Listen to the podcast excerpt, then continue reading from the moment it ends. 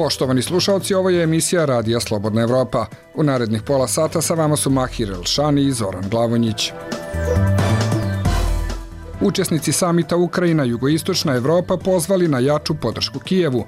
Sjedinjene američke države pozvale Srbiju i Kosovo da nastave razgovore o dinaru. Zaposleni u pravosuđu Republike Srpske stupili u generalni štrajk. U Srbiji uhapšeno šest osumnjičenih za ubistvo u Grčkoj. Sahrana Alekseja Navalnog u petak u Moskvi. Čućete i šta opozicija kaže na tvrdnju premijerke Srbije da je glasanje 17. decembra bilo pošteno. Kažemo da je stavljena tačka na potvrdu da su izbori u Srbiji pokradeni. Kao i da nakon teksta radija Slobodna Evropa kreatori internet prevare iz Severne Makedonije brišu digitalne tragove. Vratit ćemo se tri puta jači bez sikiracije. Poruka je na jednoj zatvorenoj Telegram grupi na kojoj su komunicirali makedonski prodavci lažnih debitnih kartica sa likom Donalda Trumpa. Ostanite uz program Radija Slobodna Evropa. Slušate regionalni program Radija Slobodna Evropa.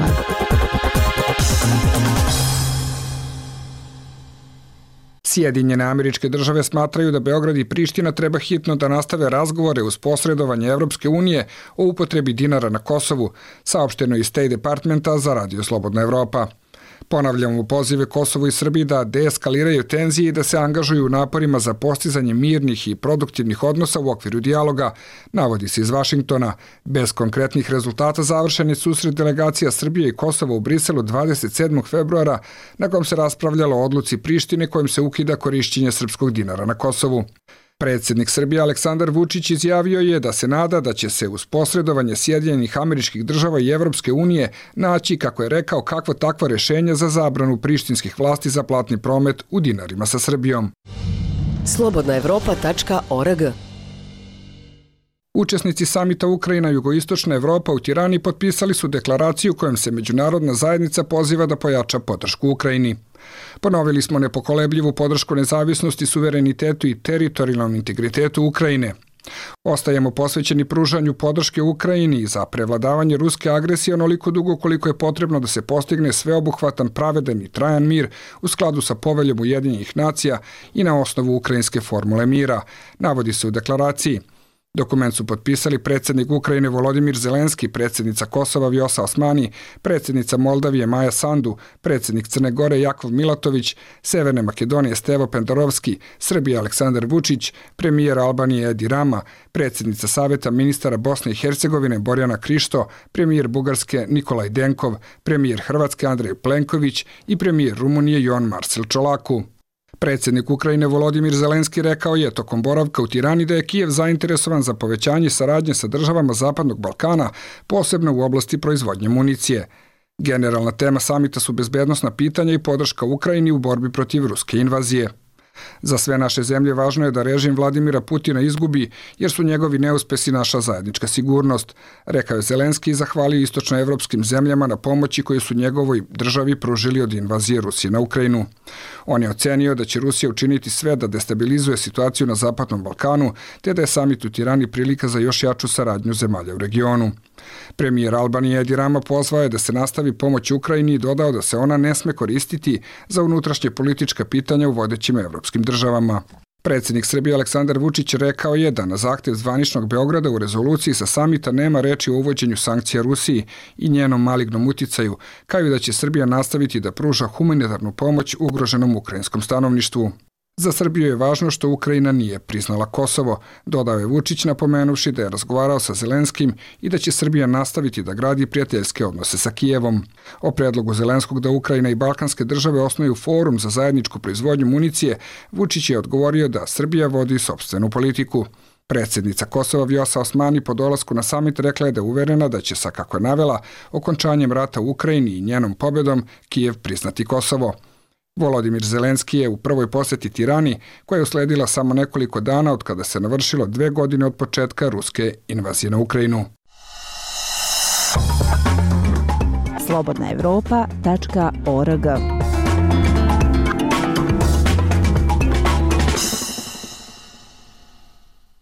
Ruski opozicioni političar Aleksej Navalni biće sahranjen u petak 1. marta u Moskvi, izjavila je njegova port parolka Kira Jarmiš.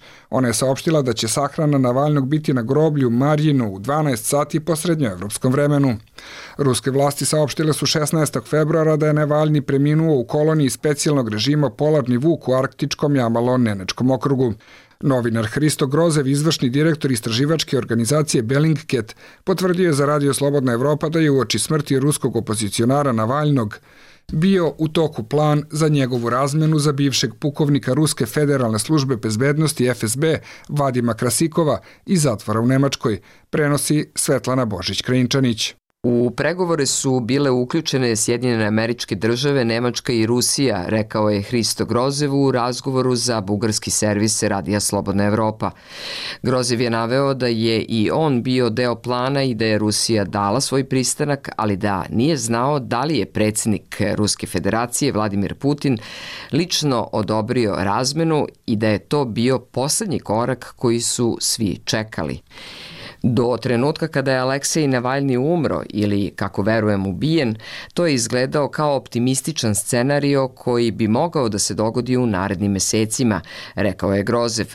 Dodao je da je supruga Navalnog Julija prisustovala bezbednostnoj konferenciji u Minhenu kako bi učinila poslednje korake potrebne za razmenu njenog muža. Međutim, tada je iz Rusije stigla vest da je preminuo u šetnju u zatvorskoj koloniji u polarnom krugu u kojoj je bio zatvoren od decembra.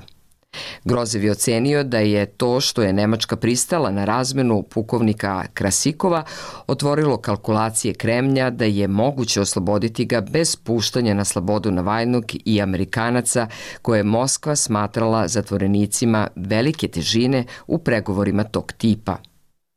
Prethodno je Marija Pevčik, predsednica Fondacije za borbu protiv korupcije koju je osnovao Navaljni, rekla da su njegovi saradnici dve godine radili na sporazumu o razmeni i da je Putinu jasno rečeno da je jedini način da se Krasikov vrati bio da se razmeni za Navaljnog i dvojicu američkih državljana zatvorenih u Rusiji. Potvrdu da su pregovori u završnoj fazi dobila sam 15. februara uveče.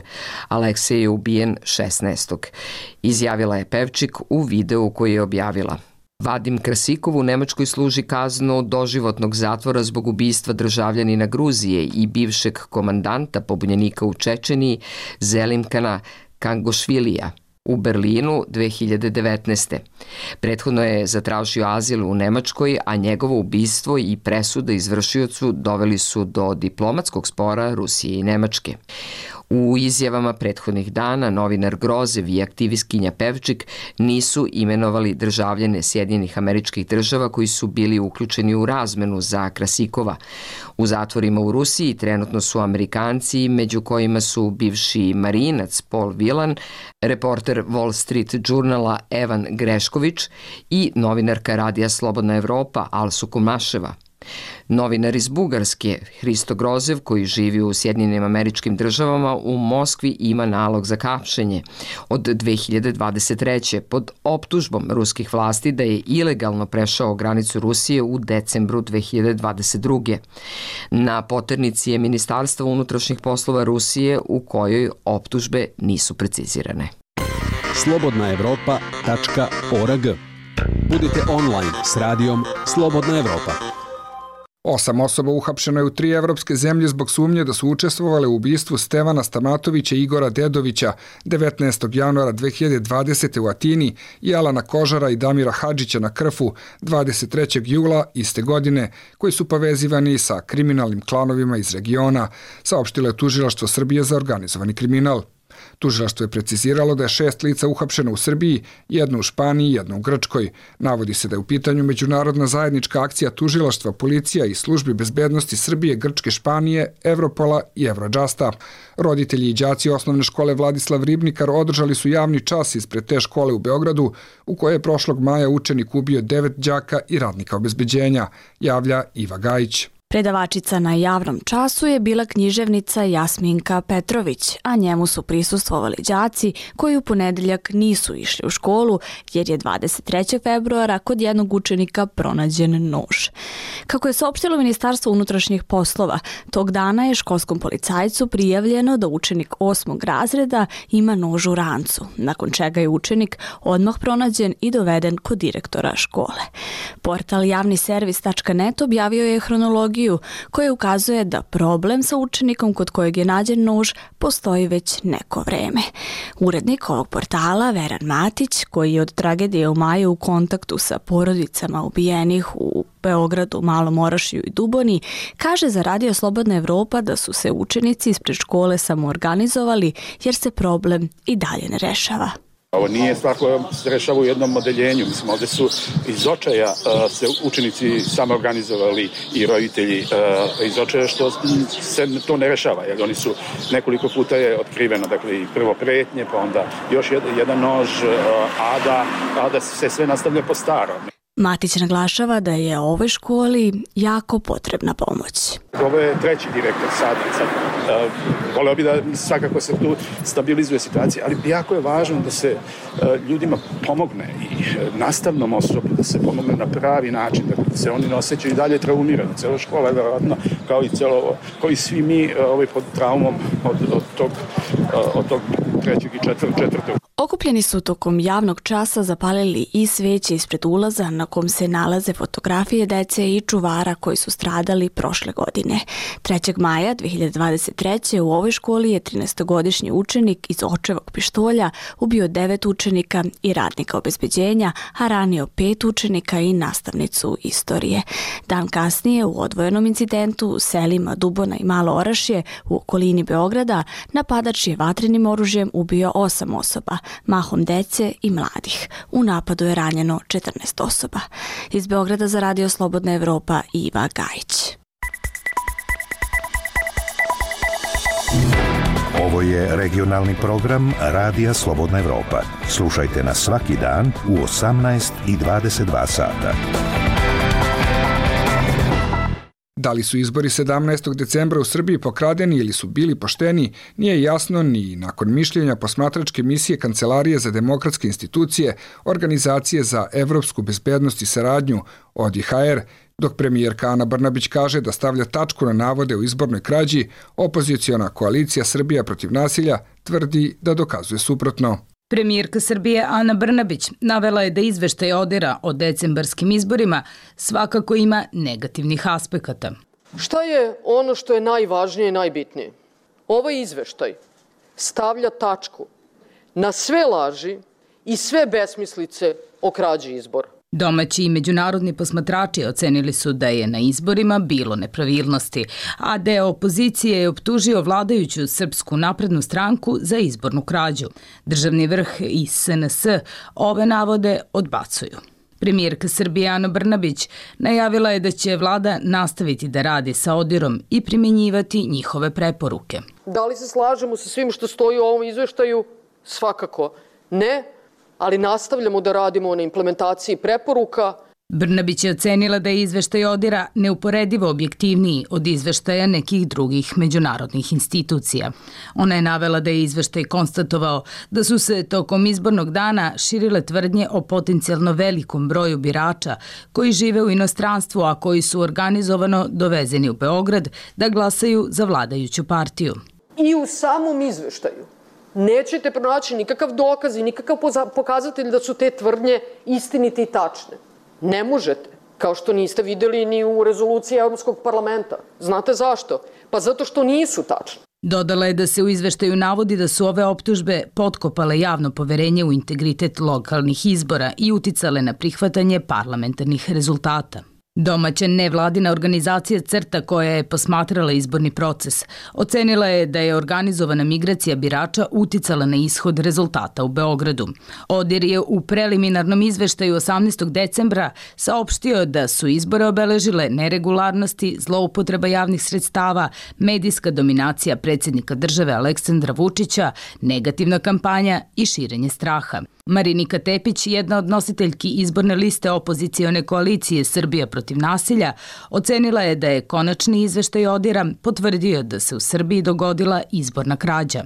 Ovim izveštajem i sa naše strane kažemo da je stavljena tačka na potvrdu da su izbori u Srbiji pokradeni.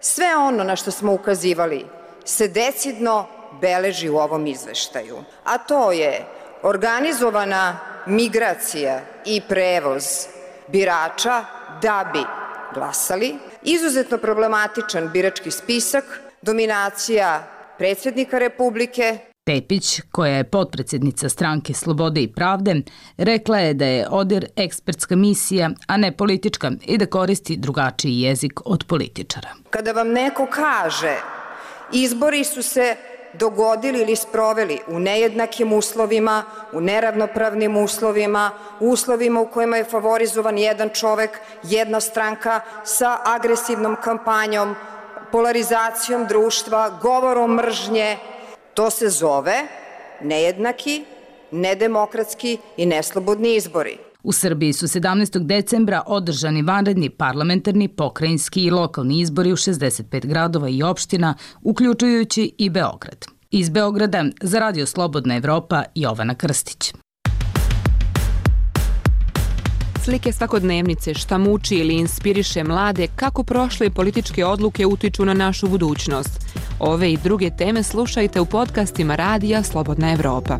Sve epizode pronađite na iTunesu, Spotify, Google podcastima, kao i na slobodnaevropa.org. Slušajte odmah ili preuzmite epizodu za kasnije. Tu smo svakog dana. Podcasti Radija Slobodna Evropa. Zaposleni u pravosuđu u bosansko-hercegovačkom entitetu Republika Srpska stupili su u generalni štrajk. Oni traže usklađivanje povećanja plata sa dohodcima koje imaju sudje i tužioci, kao i nivelisanje naknada po pitanju složenosti posla koji obavljaju. Predsednik sindikata pravosuđa Republike Srpske Siniša Petrović saopštio da se štrajkuju u 29 od 36 institucija u kojima postoje sindikalne organizacije i da je rad obustavljen do daljeg. 18 godina tužilaštvo Srbije za ratne zločine dostupni su dokumenti koji ukazuju da je bivši oficir Vojske Republike Srpske Svetozar Andrić naredio iseljavanje nesrpskog stanovništva tokom rata na istoku Bosne i Hercegovine i osnivanje logora, ali istraga do sada nije pokrenuta, saopštila je nevladina organizacija Fond za humanitarno pravo koja je u Beogradu predstavila svoju knjigu o tom slučaju, izveštava Dušan Komarčević. Nedim Salaharević imao je 14 godina kada je u Vlasenici, njegovom rodnom gradu na istoku Bosne i Hercegovine, proglašena opšta mobilizacija 92. godine. Njegov pet godina stariji brat Edin Salaharević, košarkaš Tuzlanskog kluba Sloboda Dite, već je imao titulu najboljeg igrača juniorskog prvenstva Jugoslavije. Edin nikada nije stigao da zaigra za seniorski tim jer je ubijen u logoru Sušica, čije osnivanje je naložio Svetozar Andrić, major Birčanske brigade Vojske Republike Srpske. Njegovi posmrtni ostaci pronađeni su u masovnoj grobnici 2009. godine. Izvršena je zvanična identifikacija ovaj, mog brata. Nažalost, mm, bio bi sretan da je ubijen mecima rekao je Nedim Salaharević na predstavljanju izveštaja Fonda za humanitarno pravo dosije Svetozar Andrić u Beogradskom medija centru. Osim brata, Salaharević je u logoru Sušica izgubio i oca. On i majka proterani su u Tuzlu. Kako se navodi u dosijeu fonda u periodu od aprila do decembra 92. u opštini Vlasenica ubijena je 901 osoba nesrpske nacionalnosti, od kojih se više od 300 osoba i dalje nalaze u evidenciji nestalih. Najmlađa žrtva imala je nepuna četiri meseca. Procenjuje se da je oko 14.000 bosanskih muslimana koji su početkom 90. živeli u opštini Vlasenica 97. imalo status raseljenih lica ili izbeglica. Vlasenica je uz zvornik Kalesiju Šehovića, Bratunac Miliće i Skelane bila u zoni odgovornosti Birčanske brigade, koju je vodio Svetozar Andrić. Logor Sušica u Vlasenici bio je najveći logor u zoni odgovornosti Birčanske brigade. Funkcionisao je od kraja maja do kraja septembra 92. Nalazio se nedaleko od centra Vlasenice u barakama šumarskog preduzeća koje su pre rata služile za skladištenje opreme i naoružanja teritorijalne odbrane. Zatočenici u logoru e, Sušica su svakodnevno e, bili zlostavljani i maltretirani, a od posledica batinanja je preminulo više zatočenika. Osim toga, desetine zatočenika je bilo streljano unutar ili u neposrednoj blizini logora. Žene i devojčice koje su u logoru držale, držane pod prisilom bile su silovane i seksualno zlostavljane od strane stražara kao i od strane drugih lica kojima je bio omogućavan pristup zatvorenicama. Rekla je istraživačica Fonda za humanitarno pravo Katarina Maruna. Osim Sušice na područjima na kojima je delovala Birčanska brigada, bilo je otvoreno još nekoliko logora u kojima su uglavnom držani civili, a Svetozar Andrić je ove objekte u više navrata posećivao, kaže Katarina Maruna. On je znao za uslove zatočenja i e, postupke stražara prema e, zatočenicima e, i takođe je nadređenu komandu redovno izvaštavao o broju zatočenika u ovim objektima. Već 18 godina tužilaštvu za ratne zločine u Beogradu dostupni su dokumenti koji ukazuju da je bivši oficir Vojske Republike Srpske Svetozar Andrić naredio iseljavanje nesrpskog stanovništva tokom rata na istoku Bosne i Hercegovine i osnivanje logora. Međutim, protiv njega do danas nije pokrenuta istraga. Umeđu vremenu Andrić je ušao u politiku. U julu 2016. izabran je za zamenika predsednika opštine Novi Beograd Aleksandra Šapića. Bivši vaterpolista i reprezentativac Srbije Šapić je 2018. formirao stranku Srpski patriotski savez SPAS, a jedan od istaknutijih članova bio je i Andrić. Bivši oficir Vojske Republike Srpske ušao je kao poslanik Spasa u Narodnu skupštinu 2020. Postao je deo vladajuće Srpske napredne stranke nakon što se Spas kolektivno pridružio naprednjacima u maju 2021.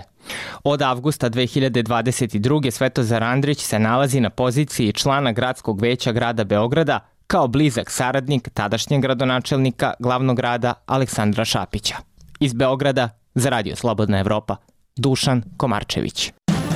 Ovo je regionalni program Radija Slobodna Evropa. Slušajte nas svaki dan u 18 i 22 sata. Dan nakon što je Radio Slobodna Evropa objavio šemu prevare u Severnoj Makedoniji, koja je korišćena za obmanu američkih građana, kreatori su počeli da brišu digitalne tragove – Deaktivirano je 33 od 88 sajtova preko kojih su kupcima u Americi nuđeni bezvredni artikli, javlja Miloš Katić. Vratit ćemo se tri puta jači bez sikiracije. Poruka je koju su novinari Radio Slobodne Evrope zatekli na jednoj zatvorenoj Telegram grupi na kojoj su komunicirali makedonski prodavci lažnih debitnih kartica sa likom Donalda Trumpa. Ova grupa sa preko 400 članova jedna je od nekoliko koje su promenile naziv ili obrisale sadržaje nakon što su novinari Radija Slobodna Evropa razotkrili prevarnu šemu prodaje debitnih kartica, novčića ili drugih finansijskih proizvoda. Istraživanje Radija Slobodna Evropa prati digitalne tragove 69 pojedinaca koji su kreirali prevarne ponude za prodaju debitnih kartica sa likom Trumpa – Američkim građanima reklamira se da će danas kupljeni proizvodi sa likom Trumpa vredeti milione nakon njegovog povratka na vlast. Zapravo, nude se potpuno bezvredne kartice, novčići, stikeri, markice i brojni slični proizvod. Oglasi za prodaju vodili su kao 88 web sajtova koji su pronašli novinari Radio Slobodne Evrope. Danas trećina ovih sajtova ne radi. Ovakva reakcija prodavaca lažnih proizvoda za sada je jedina koja prati ovu priču. Nadležni organi u Severnoj Makedoniji i Americi nisu se oglašavali ovim povodom. Digitalni put od sajtova kupce je dalje vodio na platformu za plaćanje Copcart. Nakon objavljivanja istraživanja, novinari Radio Slobodne Evrope kontaktirali su ovu platformu, sva upućena pitanja ostala su bez odgovora. Iz Beograda za Radio Slobodna Evropa Natalija Jovanović i Miloš Katić. Dnevno et RSE. Pregled regionalnih i svetskih događaja dana.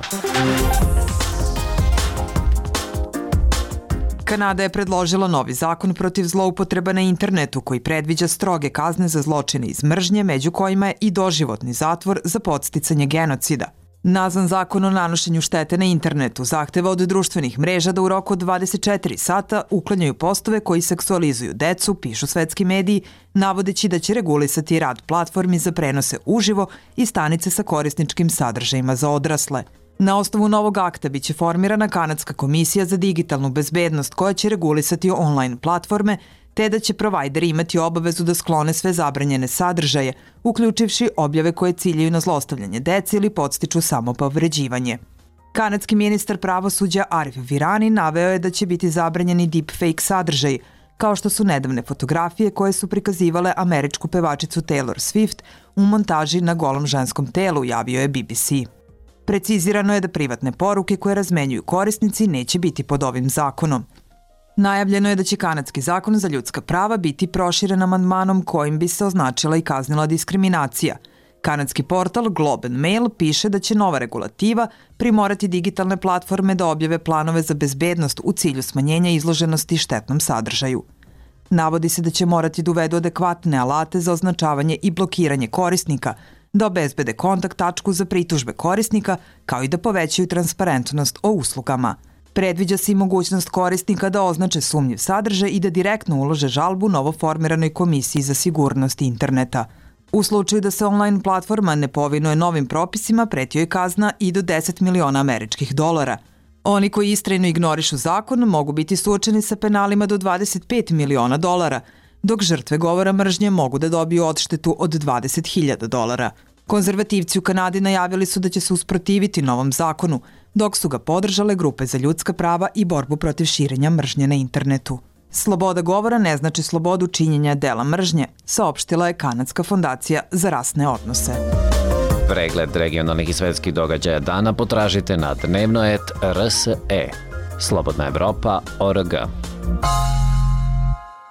Međunarodna konferencija Kragujevac Comic Con proteklog vikenda u Srbiji protekla je u znaku stripa Zagonetač, godina prva, koji Stevan Subić iz Zrenjanina radi za američki DC Comics. Zagonetač je bio narativna prethodnica filmu Batman iz 2022. koju je osmislio glumac i scenarista Paul Dano i poverio je Subiću. Sa njim je razgovarao Branko Vučković. Američki DC komik je jedan od najvećih i najzahtevnijih izdavača stripova u svetu i zbog toga se do ugovora sa njim veoma teško stiže. Stevana Subića, strip umetnika iz Zrenjanina, DC-u su pored njegovog talenta i kvaliteta preporučili i minuli rad i upornost. Ako je nešto dobro i ako se u to veruje ide se tim putem, a, ja istinski verujem da, da to uvijek najđe na pravo na pravo osobu u jednom trenutku. A moj portfolio je bio u, u DC-u zbog nečega što smo radili nekoliko godina uoči toga, jedan kolega i ja. Nudili smo neku ideju, ta ideja međutim nije prošla, ali su urednici u DC-u sačuvali su moj dizajn, moje radove. A, I onda su jednostavno kada je trenutak došao da se priča o Riddleru, o zagunetaču, oni potegli tu galeriju mojih rešenja i, i jednostavno su mi uzeli u razmatranje. Subić je pre DC-a crtao za najpoznatije francuske i italijanske izdavačke kuće, gde je stekao značajno iskustvo, koje mu je sada dobrodošlo za realizaciju ovog velikog američkog projekta. Na prvom mjestu istinska škola, najveća moguća koju bilo koji umetnik vizualni može da, može da ima. Da, na prvom mjestu ti ljudi, shodno svojim školama, svojim pristupima ovoj umetnosti imaju svoje granice i svoje, svoje potrebe, svoje naravi i tako dalje, svoje estetike i vi učite hteli ne hteli radit će sa njima o tome. I kad radite sa svim tim izdavačima u toliko različitim e, kulturama i, i osnovno čak i društvenim uređenjima, a vi učite i kombinujete ih u jedan svoj autentičan stil koji kao kombinacija tih znanja njihovih na kraju se postavi kao da, vrlo važna tržišna prednost uh, u ovoj industriji. Govoreći o položaju domaćeg stripa, Subić je ocenio da se strip tržište polako obnavlja i da se formira nova strip publika, čemu značajan doprinos daju i manifestacije poput Međunarodne strip konferencije u Kragujevcu. Na pitanje radija Slobodna Evropa o angažovanosti stripa u današnje vreme i njegovom eventualnom uticaju na rešavanje problema pijaće vode sa kojim se već dve decenije susreće Zrenjanin, grad u kome živi i radi. Subić je odgovorio. Da bi se razvilo to da čitavci stripa prate strip na tom nekom političkom nivou, tipa da bivaju angažovani u, u dnevno političkim temama, bilo bi potrebno malo više vremena da se razvije publika tog tipa. A, ali ne mislim da publika ne postoji trenutno, već a, nisu se, ta veza između publike i te vrste stripova je prekinuta tokom 90-ih. I nije se uspostavila do danas nazad. Da bi se uspostavila potrebno da neko počne da radi to. I taj strip bi sigurno doprao do ljudi koji imaju tu vrstu potrebe da to čitaju i da se povezuju sa tim narativima. Ubeđen sam u to, samo što nema i danas, jer možda ne postoji smelost da se bave ljudi tim temama na taj otvoren način. Radio Slobodna Evropa, Branko Vučković.